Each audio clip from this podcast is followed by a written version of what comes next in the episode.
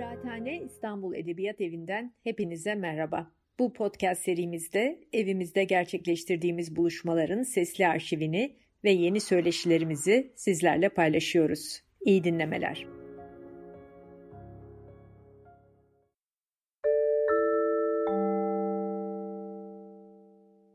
Merhaba herkese. E, Kıraathane İstanbul Edebiyat Evi'nin edebiyat tarihi konuşmalarında bugün Çimen Günay Erkol'la birlikteyiz. Merhaba Çimen, hoş geldin. Selam, merhaba Seval, hoş bulduk.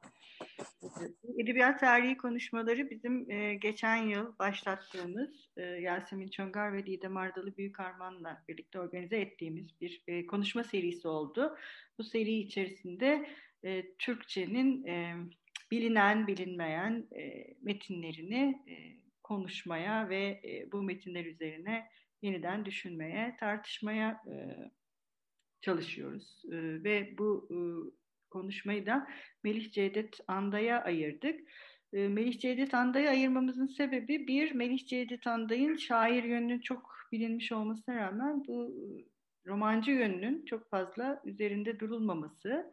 Bir diğer tarafı da bu romanlar arasında da belki herhalde en az bilineni İsa'nın Güncesi e, ve e, Çimen de e, Özyeğin Üniversitesi'nde öğretim üyesi olarak çalışıyor ve e, bu kitapla özel olarak ilgilendi. Çünkü kendisi 12 Mart romanları üzerine doktorasını yaptı ve e, zaten Yaralı Erkeklikler kitabında da e, İsa'nın güncesiyle ilgili ayrı bir bölüm var. Bu kitap şu anda baskısı yok ama umarız yakın bir zamanda yeni baskısı yapılacak. Onu biliyorum. Umarım baskıda hemen olur. Bir de ayrıca Çimen bir e, TÜBİTAK projesi yürüttü. Darbe romanları üzerine. Yani bugün aslında bu kitap vesilesiyle hem 12 Mart romanlarını da konuşacağız hem de biraz bu darbe ve roman meselesinden de bahsedeceğiz. Çimen bu 12 Mart romanları arasında sen daha önce de konuşmuştuk hatta biraz önce konuşmaya başlamadan önce de gündeme geldi. Bu romanın ayırt edici bir tarafı olduğunu söylemiştin. Biraz bu 12 Mart romanlarında ne vardı ve Melih Cevdet Anday'ın insanın güncesindeki ayırt edici şey neydi senin açısından? Biraz önce konuştuk aslında evet 12 Mart romanları deyince e, tanıklık meselesi çok ön plana çıkıyor ve tarihsel bir döneme tanıklık etmiş insanların o döneme ilişkin izlenimlerini okuyoruz biz aslında. Romanlaştırılmış halde bir tür tarihe tanıklık okuyoruz. E, ve çoğu eleştiride de önemli e, pek çok isim bu romanlardan özellikle bu tanıklık boyutu öne çıkan metinleri seçmiş ve onlar üzerine çalışmışlar. Dolayısıyla ben de çalışmaya başladığımda hani daha önce neler yapılmış bu konu hakkında diye araştırmaya başladığımda ister istemez benzer bir çerçevede e, takılı kaldım bir süre. Yani önce bir şeyler oldu. 12 Mart e, yaşandı. Sonra da edebiyat buna ilişkin bir tarihsel tanıklık üretti. Edebiyatın içinden diye.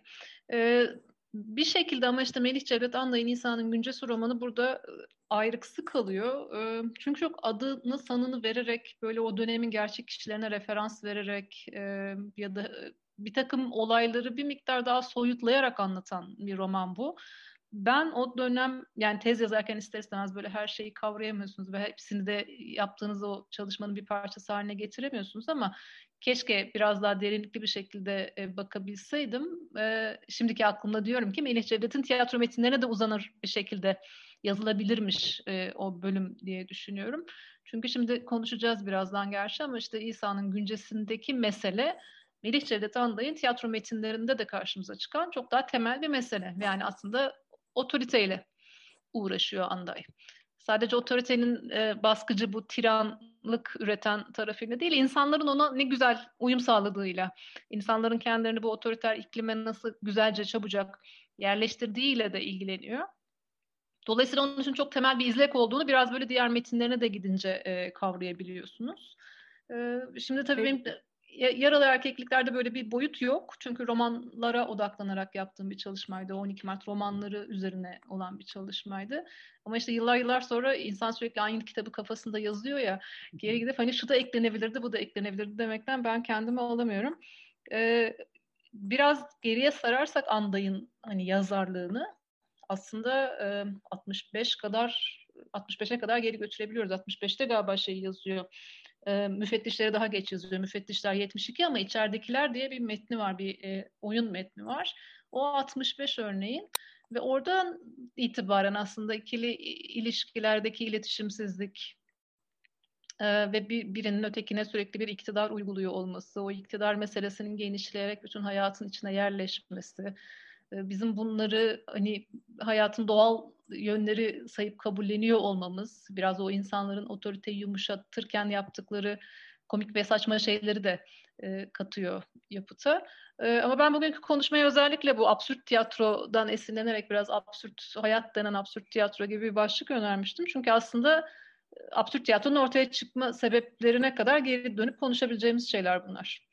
Ee, Pardon. Yani Beckett'e kadar geri gidip belki oradan itibaren hani bu Fransa'da ortaya çıkan o büyük dalgadan itibaren belki oradan Türkiye'ye aksettirilen haliyle e, böyle hani bir şeyler öğrendiğimiz, kendimizi sorgulayarak ayrıldığımız e, tiyatro e, gösterimlerine belki alışığız ama hiçbir yere varmayan, nereye gittiği konusunda bizi biraz e, merakta bırakan, kararını veremediğimiz, ne olup bittiğini çok kolay kavrayamadığımız şeylerle karşı karşıya olduğumuz edebiyat metni veya tiyatro sahnesinde karşılaştığımızda e, şaşırıyoruz. Aslında absürt tiyatronun da bizi itmeye çalıştığı böyle bir e, hani yamaç var. E, galiba bunu Melih Celetanlar çok güzel başarıyor. O zaman biraz tiyatrolarına da girelim istersen. Yani hazır bu absürtlük meselesi açılmış ve bu absürtlük meselesinin doğrudan e, oyun oynamakla yani oyunla da e, fakat aslında hani e, hayat denen oyun yani bu Uğuz Atay'ın oyunu gibi değil yani. Değil mi? Hayat denen oyundan bahsetmiyor bize Melih Cevdet Anday. Aslında bizim oynamadığımız fakat farkında olmadığımız belki de o otoritenin e, bize dayattığı ve bu şekilde absürt olması gerekirken kabullendiğimiz bir oyundan mı bahsediyor? Hayatın içerisinde bize çok normal gibi gelen bir takım şeylerin aslında saçma olduğu gerçeğiyle böyle bir yüzleşme önerisi andayın ki. Ee, yani bugün de hala pek çok şeyi normalleştirmiş durumdayız. Ee, ama aslında o kadar bunlar normal olmalı mıydı hayatımızda diye bir soruyu böyle pat diye karşımıza getiriveriyor. Ee, müfettişler de örneğin hala çok güncel olduğu için bu oyunlar da tekrar tekrar oynanıyor sahneleniliyor. Yani Türkiye'de asla eskimiyor olmaları da ayrı bir tartışma konusu. Müfettişler de örneğin evini satışa çıkartmak isteyen bir çift var. Ee, ama evi satmak isteyen insanlar gelip birdenbire onların hayatlarını sorguluyorlar. Yani siz bir anda evi satmak isterken kendinizi hayatınız hakkında birine ifade verirken açıklama yaparken ve e, hani o izahatı da vermek zorunda olduğunuzu içten içe hissederken buluyorsunuz. Dolayısıyla iktidar meselesinin biraz e, böyle tek yönlü olmadığı yani birinin yukarıdan aşağı baskı kurarak iktidar kurmasının yanı sıra sizin de o iktidarın içine yerleşmeye çalışır halleriniz olduğunu, bu küçük insanlık hallerinden ibaret olduğumuzu da e, çok e, hani kara mizahıyla beraber e, bu tip şeylerin metinlerin içine yerleştirmiş. İsa'nın güncesi de böyle bir şeyden besleniyor. Böyle kara mizahtan beslenen bir e, metin. Yani belki aslında tiyatro olarak düşündüğü sonra belki romanlaştırdığı, geliştirdiği bir şey olabilir diye düşündüm ben. Çünkü bu izlekleri görünce diğer tiyatro metinlerinde de.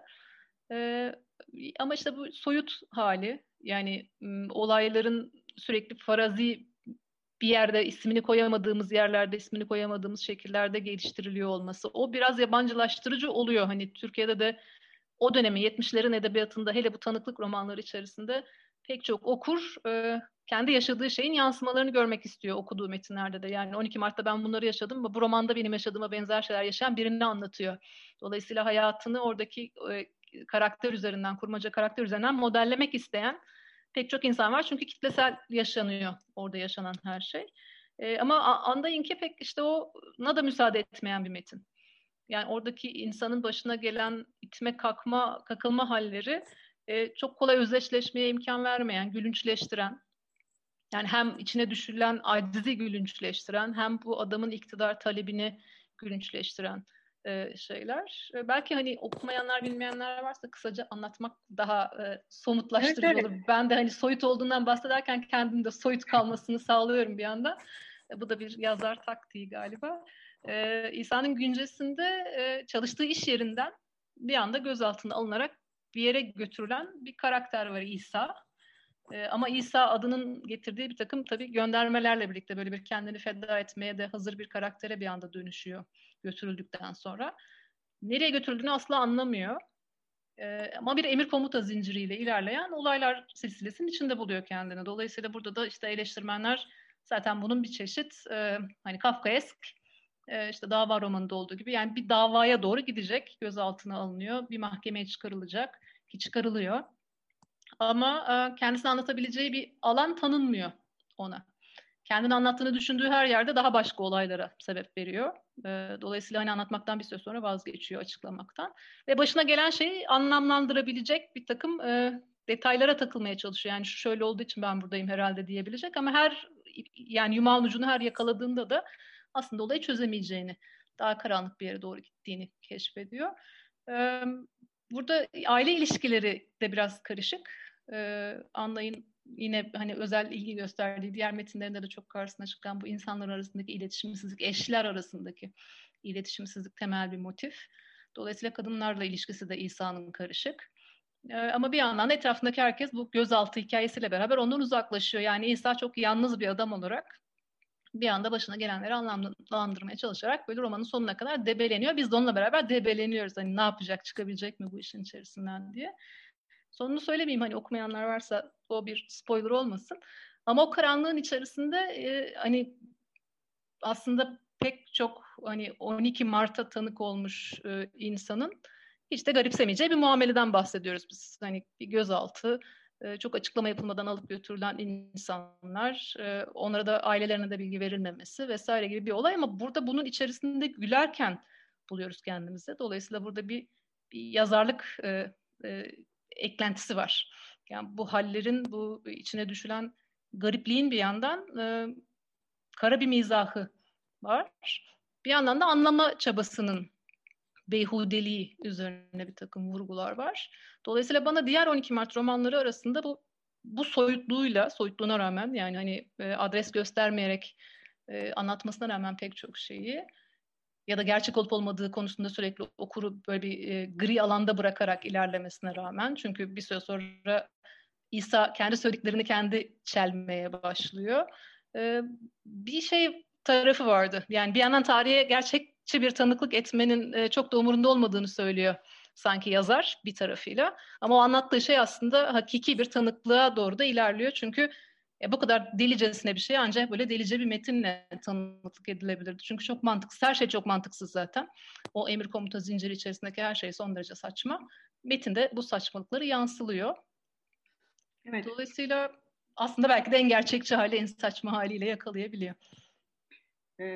Peki bu kitap yani İsa'nın Güncesi edebiyat eleştirilerinde ya da edebiyat tarihinde 12 Mart romanları arasında kabul ediliyor mu? Ediliyor. Yani yayın tarihi nedeniyle 74'te yayınlanmış. Yayın tarihi nedeniyle ama değil mi? İçerik nedeniyle değil. Evet, beklentiler genelde orada hala bir bir ölçüde toplumcu gerçekçi bakışla bir hani e, ders çıkarmaya yönelik bir beklentiyle belki kurcalandığı için metinler e, bu, bu biraz hani soyut ve hatta bu gülmeceyi yani böyle acılı bir şeyin içerisine gülmece yerleştirmeye çalıştığı için de belki tepki çeken bir metin de olmuş olabilir o dönem içerisinde.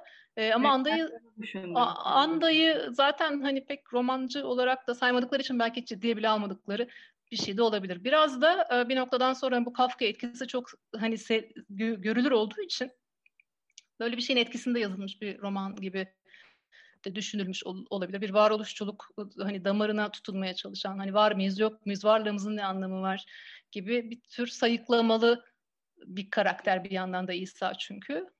Bütün bunları böyle yan yana koymuş olabilirler. Ee, ama Anday aslında hani bunu sadece şeyle de yapmıyor. İsa'nın güncesinden önce onun gizli emiri var.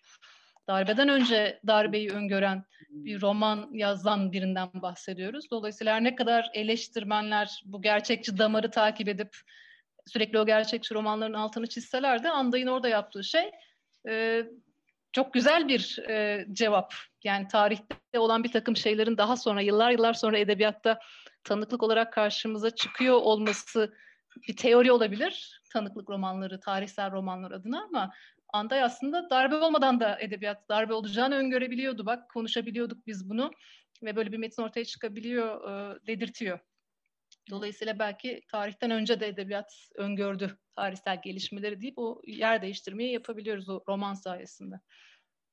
Tabii bu romanın bu şekilde kurulmasında yine 12 Mart'ı anlatan birçok kişinin aksine Melih Cevdet'in şair olması da etkili olsa gerek değil mi? Buradaki e, romandaki mesela konuşmalar benim çok dikkatimi çekmişti. Net, kısa ve e, çoğu zaman hatta bir anlamda yok yani şey gibi. Kendi içinde bir bütünlüğü de yok.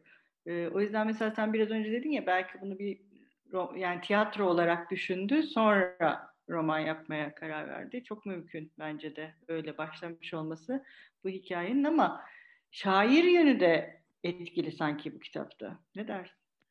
Ondan asla kurtulamıyor zaten Anday galiba yazarken. Ben bu metinde yani hani sahnelenecek bir şey de ortaya koymaya çalıştığını düşünüyorum. Biraz daha e, hakikaten sahne üstünde etkileyici olabilecek şekilde o cümleler karakterlere hani verilmiş. E, ama Anday'ın şairliği deyince ister istemez o e, biraz daha böyle lirik epik bir tarzı vardır ya hani e, tarih öncesine de uzanır. Oradan e, yani bugünden bahsederken bile bunu tarihselleştirme eğilimi vardır Anday'ın şiirlerinde. Burada İsa'nın güncesinde İsa adını vererek bunu yapıyor belki. Yani orada hala bir bir tür mit, mitosa, mitolojiye uzanma, bir tür Hristiyan teolojisine uzanma, işte bu karakterin böyle peygamberane bir kendisini feda etme hallerine giriyor olması. E, yani aslında bu apayrı bir inceleme konusu Türk Edebiyatı'nda. Bunu da konuşmuştuk hatırlarsın sen de. Niye bu İsa figürlerine e, rastlıyoruz? Ya da hangi şekillerde rastlıyoruz? İşte Yakup Kadri'de de vardır. Ee, şimdi burada Anday'da karşımıza çıkıyor. Beş, başka metinlerde, başka yazarlarda da belki karşımıza çıkıyor ama bu yani ne anlamda kullanılıyor? Bir e, kendini feda ediş motifini e, o İsa ve İsa'nın ifade ettiği o tarihsel hikayenin içine yerleştirerek kullanıyor. Karakterine başka bir isim verseydi hani bu derece derinleştiremeyecekti buradaki tartışmayı. E, dolayısıyla biraz o şairlik kısmını karakterin isminden tutturabiliyorum. Evet evet ama metaforlar da yani kitapta bayağı bir metafor da var. Hani doğrudan kitabın böyle bir saçmalık üzerine kurulmuş olması. İşte bu konuşmalardaki anlam bütünlüğünün olmaması.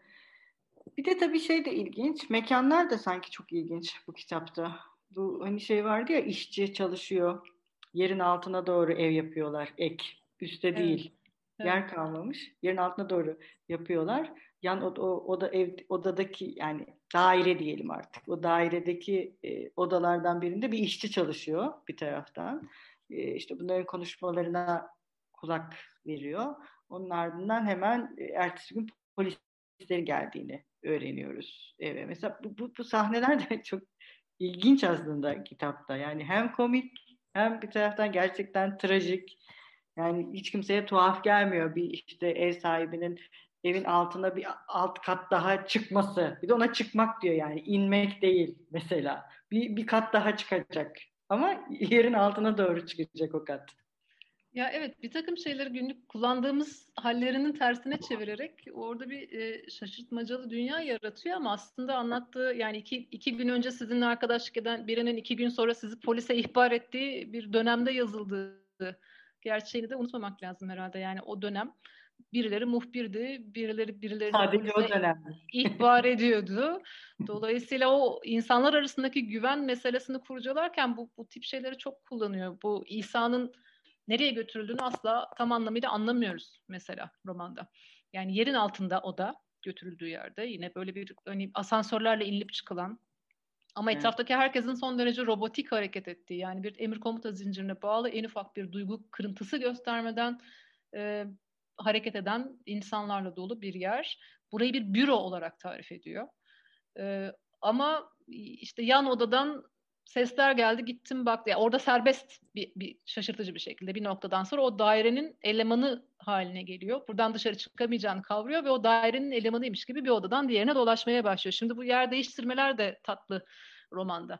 Yani bir yere önce tutsak olarak götürülmeniz, sonra orada bir çeşit iktidar kur, kurabilmeniz ve bir odadan diğerine gidebilecek kadar bir özgürlük edinebilmeniz falan gibi bir garip dünya var. Ee, ve hani orada da çeşitli saçma şeylerle karşılaşmaya devam ediyor. Hiçbirini anlamlandıramıyor zor kısım o galiba Anday'da. Belki hani biraz bunaltıcı gelen de o olabilir. Romanı bitiremedim diyenler olursa hani başladım ama bitmedi. Bu bunaltıcı hava da buna katkı sunuyor bence. Bir türlü anlamlandıramaması başına gelen şeyleri. Ee, karşısındaki insanlar kendisine bir düşmanlık e, güdüyor bunu seziyor ama tam olarak sorunun ne olduğunu ya da neyle suçlandığını ya da kendisini nasıl savunacağını kesinlikle bilmiyor. Bu yüzden Ama bir taraftan da şey var, sistem var orada. O bir sistem evet. orada işliyor yani. Evet, son derece e, gülünç şekillerde suçlanıyor. Bir belge buluyor ofisteki çekmecelerden birinde. Yabancı bir dilde yazılmış bir belge. Bu belgeyi alıp e, birilerine götürmekle suçlanıyor. Bir çeşit işte o örgütsel doküman taşıdın e, suçlaması gibi e, bu yabancı dili bilmediğini e, kanıtlamak zorunda buluyor kendisini. Dolayısıyla bir insan bir dili bildiğini kanıtlar da bilmediğini nasıl kanıtlayacak şeklinde hani gayet bunaldığı, bunaltıcı bir yeni bir problemin içerisinde buluyor kendisini. Ama sanki orada oradan kurtarsa kendisini bir başka suçlama gelecek, bir başka şeyle suçlanacak gibi. Yani o dünyadaki döngüselliğin de gayet farkında. Dolayısıyla yani ben buradan bir suç bir suçla çıkacağım. Bun, bana bir şey yakıştıracaklar duygusuyla devam ediyor. Zaten e, binadaki bu sorgucuların ya da işte onu suçlayan e, kişilerin yine böyle isimleri yok. E, hani halleri, tavırları çok fazla belirtilmiyor. Biraz daha böyle e, karanlıkta kalan tipler bunlar. E, ama suçlamalarının ne olduğu asla açığa çıkmadığı için sürekli bir didişme hali var. Bu işte belgenin taşınmasından sonra da örneğin işte bir roman kahramanı ile işbirliği yaptığı e, Ibsen'in bir, bir, bir metnini okuyorken yakalayıp işte Ibsen'in karakteri Solnes'le işbirliği yapmakla suçlanıyor. Ibsen'i de şeye iddianameye dahil ediyorlar. Yani hani o, olmayan şeyler de değil ya bir yandan Türkiye'de bir kitabın yazarının da orada iddianamede adının geçmesi, roman karakterinin de adının geçmesi falan hani traji komik bir yandan e, ama gerçekliği de var. Evet hala gerçekliği olması da trajikomik bir şey gerçekten. Yani olmayacağını garantisi de yok. Yok. Evet, yok. de olabilecek. E, bu aslında kahramanın e, yani baş kahramanımızın bir süre adı yok kitapta. Onun adından hiç bahsetmiyor bize anlatıcı. Sonra karısının ona İsa adını verdiğini öğreniyoruz. Ona sana İsa diyeceğim diyor karısı ve ondan sonra da bunun adı artık İsa oluyor. Niye böyle? Bence. Neden karısı ona İsa adını ya da bu evet. isim neden bir kadın yani ki karısıyla biraz bahsettik biraz daha bahsederiz. Yani çok tuhaf bir ilişkileri var gerçekten. Evet, e, karısı da bir çeşit otorite evde. E, onunla ilgili her türlü şeyi düzenleyen insan. E, saat kaçta kalkacağı, hani yiyeceği, işte ayağını ne tarafa uzatacağı vesaire gibi. Dolayısıyla evdeki hali de zaten hani tutukluk halinden pek farklı değil gibi aktarılıyor. Ee, yani hani çok böyle üstüne düşmemiştim. Niye karısı bu ismi ona veriyor ve ondan sonra adı İsa oluyor diye ama burada aslında şeyi de gayet felsefi bir yerden de bir soru soruyor olabilir Anday. Ee, yani size ne yakıştırıyorlarsa olsunuz bir noktadan sonra bu sorgucuların ona yakıştırması, suçlu kimliğini yakıştırması gibi bir şey aslında. Çok yakınındaki bir insan ama o yakındaki insan da onu anlamıyor ya da bilmiyor ya da duymak istemiyor ve ona bir isim veriyor. O isimle ona yakıştırılan kimlikle böyle bir kıyafet gibi üstüne giydirilen şeylerle yaşamak zorunda olan bir adam olarak anlıyoruz İsa'yı. Ee, Bunların hiçbirine çok fazla önem vermiyor bir yandan da. Yani bunların hepsiyle dalga geçebiliyor. Yani insanlara duyduğu bir çeşit ihtiyaç olduğunun elbette farkında. Hani yapayalnız kalınca yapamayacağının da farkında ama bu ihtiyaçla da dalga geçerek yaşayan bir, birinden bahsediyoruz. Dolayısıyla çok koyu bir yalnızlığı gayet gülmeceli anlatabiliyor Anday. O bence bu romanın enteresan bir tarafı. Ee, çok böyle dalgacı bir karakter. Ee, ama şeyden de bahsediyor. Yani kendi işte bu çarkların arasında küçücük bir vida gibi bir şeyim gibi. Yani kendini önemsiz olduğunun, e, çalıştığı iş yerinde de çok önemli bir tarafı olmadığının, işte insanlara etki edemediğinin, bir otorite eksikliğinin içerisinde tarif ediyor kendisini. Ben o yüzden biraz da çok heyecanlanarak e, teze katmıştım. Erkeklik vurgusu üzerine bir şeylere takıldığım için sürekli 12 Mart romanlarında kendisini yok etmeye meyleden hiçbir şekilde güce değil de sürekli güçsüzlüğe e, ya da güçten düşmeye vurgu yapan bir değişik bir erkek figürü var. Buna niye ihtiyaç duyuyor? Yani niye sürekli güçsüzlük vurgulayan bir erkek karakteri koyuyor romana? Adına İsa dedirttiriyor. Adını bile bir başkasının verdiği. E, ve aslında karısı İsa'yı doğuruyor bu şekilde. Ona bir isim vererek. Ama ondan sonra bu sorgucular ve daha sonra işte bu romandaki müfettişler ortaya çıktıktan sonra da onu yalnız bırakıyor. Ee, yani orada çoğu çok yalnız, başındaki yalnızlığının daha katmerlendiği bir tür yalnızlık. Çünkü artık insanlar on, onunla yan yana durmaktan da korkuyorlar. Bu da yine işte 12 Mart atmosferinin birebir bir yansıması. Gözaltına alındın artık görüşmek istemiyoruz. Çünkü seninle ilişkilendirilmek istemiyoruz şeklinde en yakınındaki insanlar tarafından biri yalnız bırakılan bir karakter. E, bunun da hani dramatik bir etkisi ile daha büyüyen böyle çarpan bir yalnızlık oluşuyor. Bir de e, sadece karısı yok, bir de sevgilisi var. Yani onunla hatta neredeyse karısından önce tanışmış galiba. Öyle e, ve uzaktan görüyor onu pencereden. O da aslında şey gibi yani e, otomat gibi aslında o da kadın. Yani pencereden ona göğüslerini gösteren bir kadın ve sonrasında da takıntı haline geliyor kadının göğüsleri onda ve bu da bir rahatsızlık diğer tarafta ama bir ilişkide şey olmuş. Ne diyelim? İkisi de birbirinden e, vaz, ya bir sevgi yok arada. Onu söylüyor. Yani kadın da adam da. Bir sevgi yok ama bir e, birbirlerine seni seviyorum diyorlar. Ama bir bağımlılık ilişkisi var bir taraftan da. Neredeyse bir otomatlaşmış e, işte bir taraftaki güçsüzlüğü diğer tarafta çünkü öbür kadınla hep sevişmek istiyor mesela. Eve giderken işte on, onunla ilgili düşündüğü tek şey bu. E, bir taraftaki güçsüzlüğü e, diğer tarafta kendi otoritesine mi çevirmeye çalışıyor? Evet acaba? tam olarak böyle bir şey herhalde. Karısının çok güdümünde yaşadığı için o evlilik ilişkisi içerisinde e, hani ezilen tırnak içinde ezilen ve güçsüz olan taraf. Dolayısıyla evlilik dışı kurduğu ilişkide daha dominant karakter olmak için uğraşıyor. Ama bunu bunu biraz e, hani kendini hayata yerleştirmek için yapıyorken bile bu halleriyle de yine dalga geçiyor. Yani bu kadına karşı ciddi bir şey hissetmediğinin de farkında. E, biraz bu e, ya hayatta zevk aldığı 3-5 bir şeyi yan yanına getirip bunların toplamıyla kendisine işte benim de hayatta böyle bir yerim var demek isteyen bir karakter gibi. E, o zevk aldığı şeylerden biri kaybolursa günün birinde onun yerine bir başka şey koymaya çalışıyor. Yani çok kolay yer değiştirebilir şeyler bunlar. O kadın gider bir başka kadın gelir. Hatta bir, karısına çok benzeyen bir kadın sevgilisi. Bir yandan da onu aynısıydı neredeyse falan diye anlatıyor. Dolayısıyla bir e, hayata ait olma çabası var. Ee, ama bunun hani karısıyla dili bir başka kadınla yaşanıyor olması işte onu aldatmış mı oluyorum şimdi? Ona o kadar benziyor ki e, tartışması var. Dolayısıyla hani ona o kadar benzeyen bir başka kadınla e, bir ilişki yaşıyor olmanın sanki işte aslında karısıyla yaşayamadıkları için yer değiştirebilecek bir şey olduğu iması var. E, yani bir karşılıklı güç ilişkileri içerisinde salınma halini anlatmak için sanki o kadınlarla kurduğu ilişkilerde birinde güçsüz öbüründe güçlü olabiliyor. Dolayısıyla şey değil. E, sabit karakterler olarak düşünmemeliyiz. Evet, değil. Diyebilmek için. Zaten kadın bir de aksıyor ilk karşılaştıklarında. Onunla e, ilk dikkatini çeken kadının aksıyor olması mesela. Hani bu da şey, hani bu yerde bir şey aksayacak. Yani o aksaklığa dair e, belki kendisindeki aksaklığı onda görüyor. Onu da bilemiyoruz. Çünkü sonradan o kadının aksaklığına dair hiçbir şey söylemiyor. İşte kadın söylemiyor. olmuş. Bir Hı-hı. sürü kişiyle işte çalışıyor yanında falan ama ilk tanıştıklarında bir aksaklık var ayağında. En çok dikkatini çeken o. Şimdi de karısının e, ailesi de şey üzerinde çok baskın, e, İsa üzerinde çok baskın sadece karısı değil. Mesela her gün e, şeye uğruyor, kayın, e, kayınbiraderine uğruyor ve her gün ona ne yaptığını anlatıyor. Hatta işte işten ayrılacağı zaman hemen kabul ediyor yani işten ayrılmayı. Diyor ki ben şimdi bunu nasıl söyleyeceğim?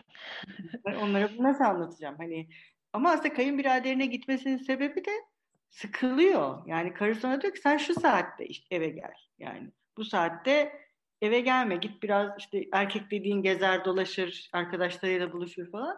O da böyle bir şey yapamadığı için evi de yakın olduğu için o vakti geçirmek için kayınbiraderine gitmeye başlıyor ve sonra bu da bir alışkanlık haline gelmeye başlıyor. Yani oraya gitmek. Evet işte bu rutinlerle hayatımızı doldurduğumuz ve biraz böyle vakit geçirmeye çalıştığımız hayat denen şeyin böyle küçük rutinlerle işte hani bugünü geçirdik yarını da geçireceğiz öbür gün de geçireceğiz ama bir anlamsızlık olduğu gerçeği. Yani bu hayata dair sıkılmalarını e, paylaşabildiği biri değil. Gidip işler anlatıyor. Ama o anlattığı şey karşı tarafta anlaşılabilir bir şeye dönüşmüyor. Onun anksiyetesi de devam ediyor İsa'da. Dolayısıyla ne kadar konuşursan konuş kimse seni anlamayacak duygusu da belki işte romanın bu boğucu atmosferine katkıda bulunan bir şey. Ee, kayınbirader biraz daha evet bu aile çemberinin de aslında sıkıştırıcı bir şey olabileceğini de gösteriyor belki bir yandan. Yani çünkü birine bir hikaye anlatıp öbürüne başka bir hikaye anlatamıyorsunuz. Bir tutarlılık olması gerekiyor. İşte karısına bir şey anlattı, kayınbiraderine de benzer bir şey anlatacak. Ee, ve hani yalan söyleyerek biraz idare etmeye çalışan da bir karakter olduğu için kime ne söylediğini aklına tutmaya çalışma halleri e, yorucu olmaya başlıyor. Bir yandan sanki aile denen şeyin de bir tür e, kurum olarak değerlendirilebileceği vurgusunu yaptığı için ben bu hani kayınbirader ya da baldız falan gibi karakterlere doğru genişletildiğini de düşünmüştüm. Ee, yani hani tutup işte yerin altında asansörlerin inip çıktığı bir binaya götürüyorsunuz bir karakteri. Orayı bir kurum olarak algılıyor çünkü orada bir emir komuta zinciri var, bir hiyerarşi var. Birileri az, birileri üst. Ee, ama sivil hayatımızda da bunun benzerlerini kendimiz yaratıyoruz demeye getiriyor sanki aile içerisindeki bu ilişkileri ortaya dökerek. Orada da birileri bir şeylere karar verenler. Çünkü kayınbirader çok karışıyor. Çok. Hani işi bırakmalısın, bırakmamalısın, şimdi değil sonra yapmalısın, bunu böyle yaparsan böyle yapmasın. Yani o da bir çeşit İsa'yı kontrol etmek isteyen insan. Ee, dolayısıyla hani sen bu dertleri anlatıp paylaşırken aslında aynı seviyede olduklarını düşünerek değil, hala ne yapması gerektiğini söylemesini isteyerek, yönetilmek isteyerek e, yüzünü kayın biradere dönüyor. Yani ne yapmam gerektiğini şimdi keşke bana söylese de ben de onun dediğini yapsam. Düşünmeye bile üşeniyormuş gibi bir yandan da İsa. Ama evet. aslında hayatının yönetimini başkalarına bırakan bir karakter. İşte e, romanın herhalde bize biraz ters köşe yaptığı kısım sonlara doğru. Yani bu karakter birdenbire çünkü kendi hayatına yön vermeye çalışan birine dönüşüyor. Ne kayınbiraderiyle ne karısıyla artık o eskiden kendisini yöneten insanlara izin vermeyecek bir İsa'ya dönüşüyor. Bunu bir çeşit yeniden doğuş olarak adlandırıyor. Ee, evet, o yüzden İsa zaten bir yeniden evet. doğuş değil mi? Evet. Yeniden doğuş. Dolayısıyla bu, buraya da bağlıyor. Yani aslında sadece aileyle ilgili değil, senin de söylediğin gibi otorite olunan her tür ilişkiyi, otoriterlik barındıran her türlü ilişkinin bir şekilde kurumsallaştığı ve bizi bir şekilde farkında olsak ya da olmasak duvarlarla çerçevelediği, o yüzden o mekan çok absürt mesela ve e, tüm ilişkilerin bir şekilde ne diyeyim bir ferahlık değil beraberinde daralma ve absürtlüğü getirdiğini e, anlatma konusunda ben de gerçekten başarılı olduğunu düşünüyorum eserin. Şimdi bir de şöyle bir şey de var aslında kitapta. Şimdi bu tarz metinlerde atmosfer de çok önemli bir şey ya. Yani o üşengeçlik, tembellik yani karakterin gerçekten o tutarlı olma hali böyle bir metinde e, yazarı da yani anlatıcının da hep tutarlı bir şekilde ilerlemesini gerektiren bir zorunlulukmuş gibi geliyor bana. Çünkü şey ya her şeyi bilen o çünkü. Hı hı. Ama aynı zamanda güvenilmez bir anlatıcı yarattığı kahramanla. Ee, ve o senin dediğin salınım da e, birden çok ilişkiyi e, ilişkiyle ve ancak bu şekilde kurulabilirdi herhalde. Bir de yine ben senin kitabını okuduğumda hatırlıyorum 12 Mart romanları işte bu yaralı erkekliklerde. Yani bu erkeklerin gerçekten bir şeyleri var, tembellikleri var. Hayatta dair bir tembellikleri var. Ama bir taraftan da şey e, yani her ne kadar İsa işkence görmemiş olsa da bir yani cinsellik yani bu anlamda cinsel iktidarla ilgili de bir sorunları var. O da onları sanki aileyle ilgili bir e, ne diyeyim duvara da toslamayı hep beraber yani bir aile hasreti özlemi yok mesela bu kitapların hiçbirinde. Yani bir sürü şeyle karşılaşıyorlar. Yani mesela Sevgi Soysal'da da vardır ya işte Şafak'ta e, açar yani kadını gönderir mesela hamile karısını. Ha, ha, kadın hamile hamile karısını gönderir. Ondan sonra düşünür ben niye onu gönderdim. Ha, orada da yani şey yok. Ne diyeyim erkek olmanın en sahici hali hı hı. Mi denir ona ya da insan olmanın. Erkek olmak ve insan olmak arasındaki.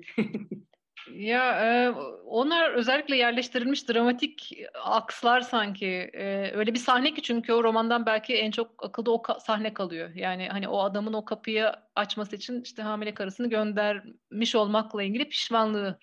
E, dolayısıyla sevgili Soysal'ın da sanki bunu bilerek yaptığını söylemek mümkün olabilir. E, Anday'da da bu kadın ve erkek rollerinin birbirine dönüşüne, dönüşebilir şeyler olduğuna dair bir vurgu var. Aslında Sevgi Soysal'ınki de biraz böyle bir şey sanki. Yani erkekler de korkabiliyor. Korktukları bir Hı. zaman saçmalayabiliyorlar. Hani evet, aynen kadın, öyle. kadınlar da korkuyor. Onlar da saçmalayabiliyorlar. Bunların yer değiştirebilir olduğunu göstermek e, yani hani gerçekçi bir tavır sanki ama o dönem için tabii nasıl karşılanıyor hani hiç bilemiyorum. Ee, bir miktarda hani erkek adam böyle yapmaz, işte devrimci şöyle yapmaz falan şeklinde e, genel kavgalar zaten var. Bunun dolayısıyla romanda iyi bir temsil olmadığı konusunda kavgalar var ama bu zaten hani bir edebiyatımızda bir sorun yani hani evet, ne, evet, ne, ne konudan bahsederseniz bahsedin o kimlik e, meselesi o, iyi temsil edilmemiş, güzel yazılmamış, gerçekçi değil. O böyle söylemezdi, şu şöyle konuşmazdı falan şeklinde devam ediyor. E, dolayısıyla asker bir karakter yaratırsanız asker karakterin gerçekliğinin işte bir asker tarafından çok iyi bilinen bir takım halleri var. Onu e, hani aciz gösterdiğiniz anda asker böyle yapmaz karşılaşıyorsunuz. Ama şimdi Anday e, ya kendi hayatı içerisinde de bu polis ve polis takibinde olma meselesini biraz yaşamış biri olarak hani Sevgi Soysal da öyle Şafa yazdığında Adana'da sürgünde Sevgi Soysal. Dolayısıyla sürekli birileri senin ne yaptığını izliyor, raporluyor falan şeklinde bir psikoloji içerisinde e, yazıldığını bu metinlerinde düşünmek lazım. Biraz galiba paranoyanın ve hani korkmanın da insancıl taraflarına uzanma ihtiyacı hissediyorlar. Evet. Korkunun insanları ne hale getirdiğine ilişkin bir şeyler söylemek istiyorlar. Bir sistem var o sisteme karşı tek başına çok güçsüzsün. Yani bir arada da güçsüzsün belki. Bir şeyleri değiştiremiyorsun. Ama o sistem sana karşı çok hoyrat olabiliyor. Yani burada ne yapabiliriz? Gibi bir soruyu da gayet can yakıcı bir şekilde soruyor aslında. Hani bütün o gülmecenin, saçmalıkların, İsa'nın bir odadan öteki odaya gidip bir odaya girdim iki adam birbirlerini kırbaçlıyordu diye anlatıyor evet. mesela. Şimdi onun bir işkence sahnesi olduğunu artık biz bu romanın ortasına kadar gelmiş insanlar olarak biliyoruz ama e, bu karakterin böyle yarı deli halleriyle gördüğünü, gördüğü gibi anlatmadığını da bildiğimiz için hani güreş yapıyorlar zannettim falan gibi bir şeyler de mesela çıkıyor. Yani kendine bir gerçeklik kurarak bu saçma sapan dünyada tutunmaya çalışan bir adamla karşı karşıya olduğumuzu kavruyoruz. Ee, işte ya da hani... şey oluyor bazen de biliyorsun bu tür şeyler sonradan 12 Mart ve 12 Eylül'de de oldu ya kendiliğinden düşmüş oluyor. Ya da ayağı bir yere takılmış oluyor. Öyle sanmak. Yani evet. oranın öyle olmaması. Belki biraz ona da gönderme yapıyor olabilir. Hem kendi e, kendi gerçekliğini e, başka bir gerçeklik yaratmak bir de aslında bu olayların e, gerçekliğinin e, otorite tarafından son derece absürtleştirilerek e, sunulması. Bir de Hı-hı. böyle bir sunum, sunum var. Biraz belki o da olabilir. Sonrasında ee, geçen anlarda. Şeyde de farklı bir tavrı var Anday'ın sanki. Yani hani tek 12 Mart romanı elbette bu değil. Şunu yapan tek 12 Mart romanı. Yani kadınlar da erkekler de korkabilir. Ya da işte bir, bir, bir taraftaki çok güçlü görüntünüz bir başka tarafta çok güçsüz bir görüntüye dönüşebilir. Böyle yer değiştirmeler mümkündür diyen tek roman değil. Ee, ama bunu galiba tek bir karakterin gerçekliğe ilişkin sorgulamalarıyla birleştirmeyi başardığı için böyle bir ayrıcalıklı bir yerde duruyor. Yani Sevgi Soysal'ın anlatısında birden fazla karakter var. Ee, bazıları hakikaten iyiler dünyasında, bazıları kötüler dünyasında. Yani hani orada daha bir ayrılma, ayrışma kısmını belirgin görüyoruz. Arada kalıp e, hani bir şeyler yapmaya çalışan insanlar için de bir denge arayışı olduğunu görüyoruz belki ama burada İsa e, kendi hikayesinin başında bir şeyken kendi hikayesinin sonunda başka bir şey. Yani İsa'nın bir dönüşümünü e, daha detaylı anlatmayı e, başarıyor. Bir yandan da ama hala şeye de bir kapı açık bırakıyor. E, yani en baştaki İsa'ya her an geri dönebiliriz tutunacak bir şey yok yani buna tutunmayalım. Tutunacağınızı düşündüğünüz her anda bu elinizde tekrar patlayabilir duygusunu da en sonunda veriyor. Dolayısıyla bütün bu hani yalnızlık, çözümsüzlük, karanlıktaydık, anlayamadık ama sonra aydınlandık ve anladık şeklindeki o ideal ilerleme duygusunun da bir tür kurgu olduğunu. Yani sevgili Soysal'ın şafağı, şafak vakti henüz değildi diye bitiyor ama bir şafak vakti var, iması da var orada değil mi? Günün birinde gelecek. Şimdi bu günün birinde gelmeyebilire de biraz hazır olmak gerekir diyen bir anday var. Ee, benim tutulduğum taraf orası galiba. Evet. Bir de tabii bu kitabın adı İsa'nın güncesi. Yani buradaki günce meselesi de önemli sanki. Yemin ederim. Evet, çok gerçekçi bir tavırla her gün kaydediyor çünkü yaşadıklarını. Yani ve bu senin söylediğin işte 12 Mart e, romanlarını ben bir tanıklık romanları olarak e, düşünmenin de belki hani edebiyatın e, tam da bunu yapması gerektiğini göstermek için kitabın adı İsa'nın güncesi olabilir. Hani kaydetmek. E, bilmiyorum. Mesela ben kendim günlük tutmaya başladığımda bunun aynı zamanda tarihe düşülmüş bir not olduğunu düşünmüyordum mesela. Hı hı. yani ama sonradan hani kişisel tarih diye bir şey öğreniyoruz. Hani kişisel tarih de olabiliyormuş. Ve bir şekilde not düşmek ve tam da o zamanı tarihselleştirirken e, aslında edebiyat neyi yapıyor? Belki başka yani bir bilimin yapmadığı duygularımızı, hislerimizi ve e, korkularımızı da yansıtabilen bir şeye dönüşüyor. Yani farklı bir şekilde tarihe not düşmeyi başarabiliyor. Ama Melih Cevdet'in bu kitabında şey var sanki. Hani beni de kitabı okurken o kadar sıkıntıya gark eden şey sanırım oydu. Yani bu bütün bu sanılımlar içinde ya pek de öyle bir duygusallık hali yok. Hı hı. Yani kahraman kendisi hiç yani duygusal biri değil. Neredeyse hiç etkilenmiyor gibi. Bilmiyorum belki de ben yanılıyorum. Ve pek etkileri açık biri değil gibi. Yani zaten hani konuşmuştuk otomat gibi insanlar da daha çok metinde. Ama evet. kahramanın kendisinin de böyle pek bir şeyden etkilenmiyormuş ve sadece hani üşengeçlik yani bir, bir hayat yorgunu gibi de bir hali var aslında. Ee, bir tek ben şeyde ya bütün bu roman boyuncaki savrulmalarında bir şeyleri anlamaya, anlamlandırmaya çalıştığı için kendi duygularının pek inceleyicisi olmuyor. Ama bütün bu hikayenin sonunda hani ailesinin yanında durmadığı bir an var. Ee, ben bir tek orada biraz hani galiba bu, burada kaybediyoruz kendisini dedim. Çünkü şey vardı. E, yani daha derin bir çöküntü haline yani bir noktada insanlara karşı onların talep ettiği şeyleri vermemesine rağmen bu da bir çeşit belki işte e, bilmiyorum bir erkeklik özgüveni olarak adlandırılabilir. Eninde sonunda ailem benim yanımda duracak. E, çünkü hani onlar bunun için yani kar, bir karım varsa bir kayınbiraderim varsa bunların adları buysa bunlar benim yanımda olmalı duygusuyla galiba bir yere kadar bu hikayenin bu kimlikleri taşıdığını e, yanında kimsenin kalmadığını fark ettiği o en son noktada biraz hissettiriyor. Ama işte dediğim gibi çok dalgacı ve e, yani aslında dünya çok da umurumda değil havasıyla da anlattığı için yaşadığı şeyleri hani belki 3-5 satırlık bir e, içe göçmeden hemen sonra e, tekrar bulunduğu duruma adapte olan işte sonsuza kadar bu işte garip asansörler olan binada kalacağım galiba ben burada evrak getirip götüreceğim artık buna razı olacağım diyen bir karaktere de dönüşüyor. Yani hemen kendi özgürlüğünü ilan ediyor. Kendi hüküm hükümdarlığını kuruyor diyeyim. Ee, bu buradaki duygu kısmında aslında yani otomat olarak mesela tanım bizzat tanımladığı Melih Cevdet Tandık'ın bu şeydeki e, kurumdaki işte asansöre binmek istediğinde mesela yanına bir memur veriyorlar. Apoletli kadın. Evet, o, kadın. kadın çok az zaten e, kurumda ama bir tek o e, hani o, ona böyle dokunuyor asansörde ve kadının tepki vermediğini diyor görüyor. Yani kadın aslında. evet öyle.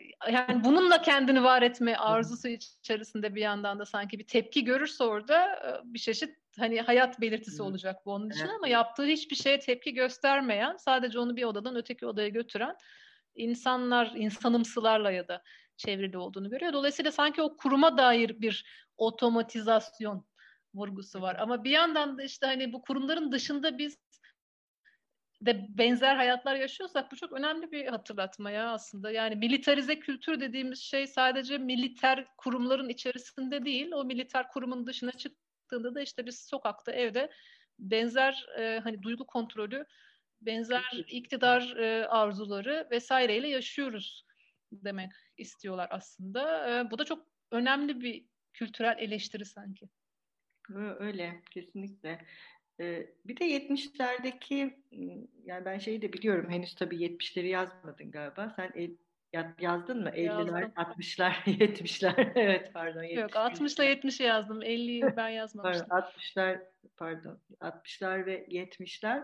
Şimdi 70'lerin edebiyat ortamına baktığımızda yani mesela ne dersin bu kitap? Çok 70'lerdeki yazılan roman. Hani 12 Mart roman olarak tabii ki 12 Mart romanları tar yani baskın ama o dönemde e, bir bütün olarak 70'lerin edebiyatına baktığımızda Türkiye'de e, oradaki öne çıkan e, bazı şeyler bu kitapta da görünüyor mu? E, bu yalnızlık teması çok baskın. O anlaşılamama halleri, hani bugün tutunamayanları böyle arkasından sürükleyen bir Oğuz Atay düşünüyoruz. Aslında o, o, o zevki pek çok insan Melih Cevdet Anday'da da bulabilir. Ee, ama biraz daha işte belki tiyatral olduğu için bir, bir tiyatro seyircisi mefhumu var 60'larda 70'lerde herhalde onu söylemek lazım. Yani o tiyatroyu takip eden zümre için belki bu roman bir miktar daha e, hani sıcak gelebilir. Biz belki şimdi biraz daha hani dışarıdan okuyoruz bazı şeyleri ama o, o dünyanın içerisindeki bir insan için bu kadar yabancılaştırıcı bir efekt değil belki bu Melih Cevdet Anday'ın işte absürdü. Çünkü absürt tiyatro zaten gündemde, zaten sahnede oynanıyor. Ee, bir işte uyum meselesinin zaten problem edildiğini görüyoruz o dönemin metinlerinde. Yani kültüre uyum, topluma uyum, işte sisteme uyum bir tartışma konusu. Şimdi bugün bize belki bir takım şeyler yabancı geliyor. 70'leri düşününce bu erkeklik meselesi de bence yine gündemde yani Atay'da, Atılgan'da bulduğumuz işte yalnız ama yalnızlığından da muzdarip e, ya da ne bileyim şairlere uzanacaksak işte Turgut Uyar'a kadar gider bu konuşmalar. Hani bir, bir yalnızlık meselesi var ve bu ama zaten ede, değiller. Ede, edebiyatta kıymetli bir mesele.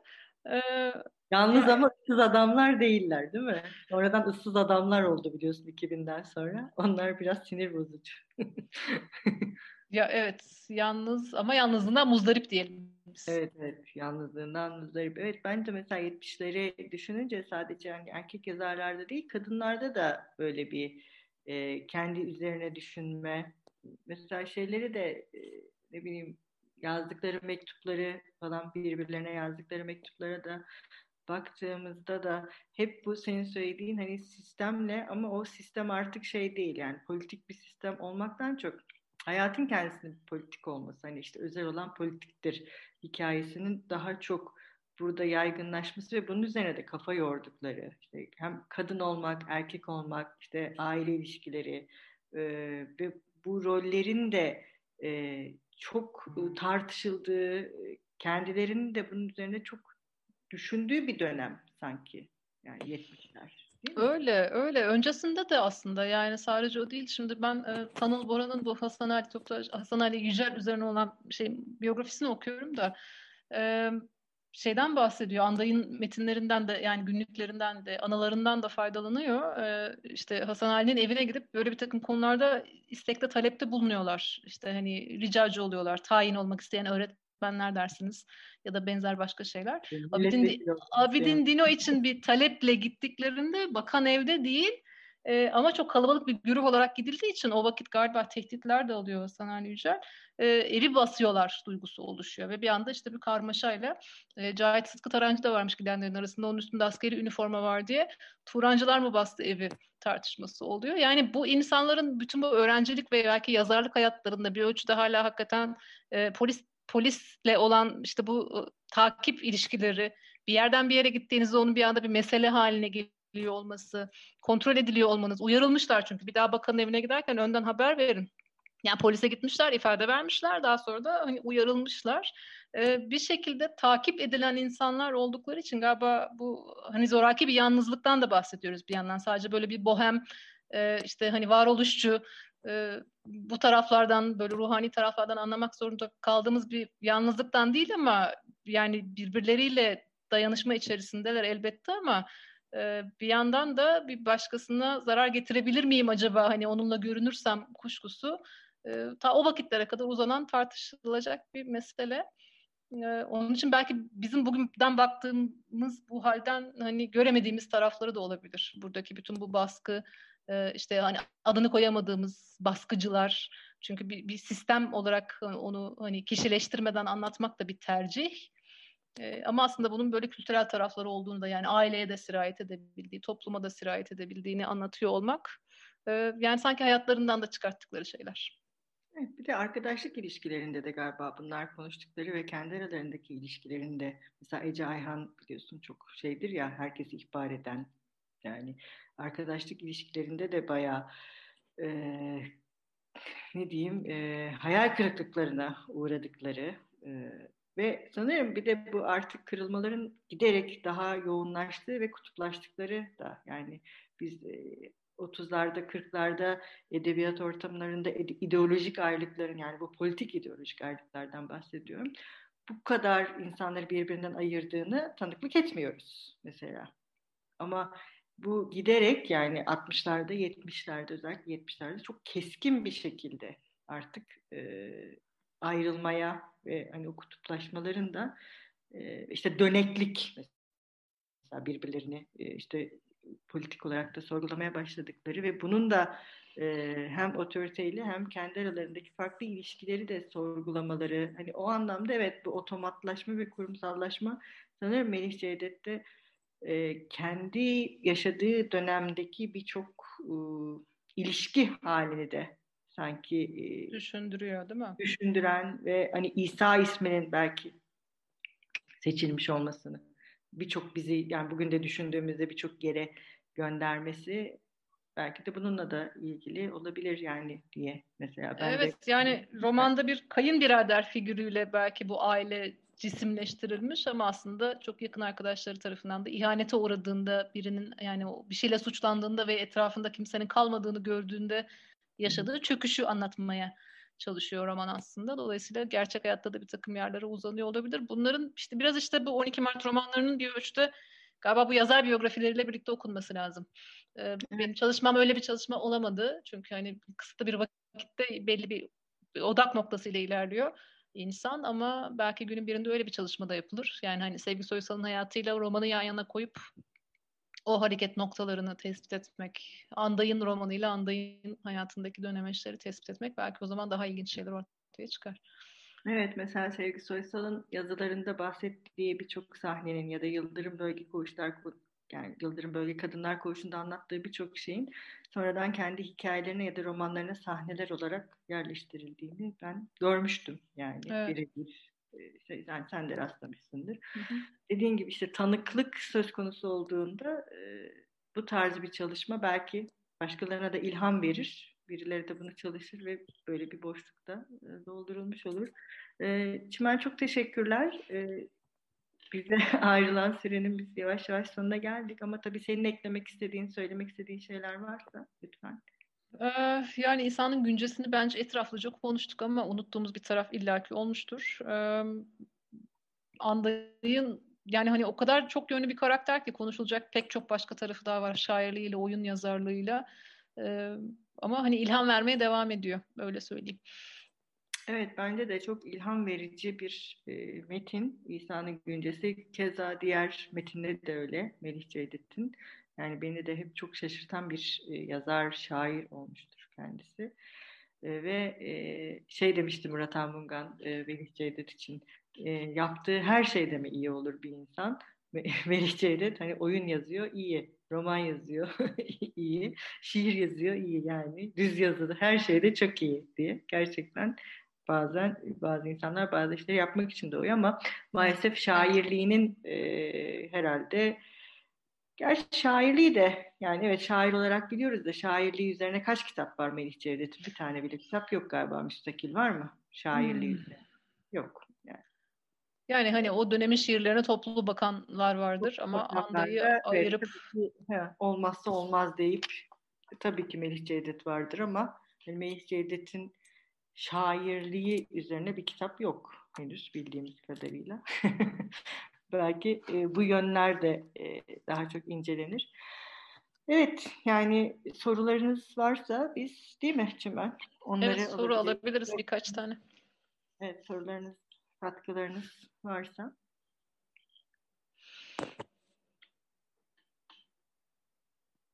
Ben bir de baktım yani çok uzun zaman basılmamış İsa'nın güncesi. Sonra Hı-hı. basılmış ama yani ikinci baskıyı yapmamış mesela. Bilmiyorum sendeki ikinci baskı mı? Benim 2000... Ben evde Raziye'yi bulabildim. İsa'nın güncesi muhtemelen ofiste. Onu bulamadım. Ee, ama hani Raziye'nin kapağının güzelliğine bakar mısınız? Çok, çok güzel. Evet.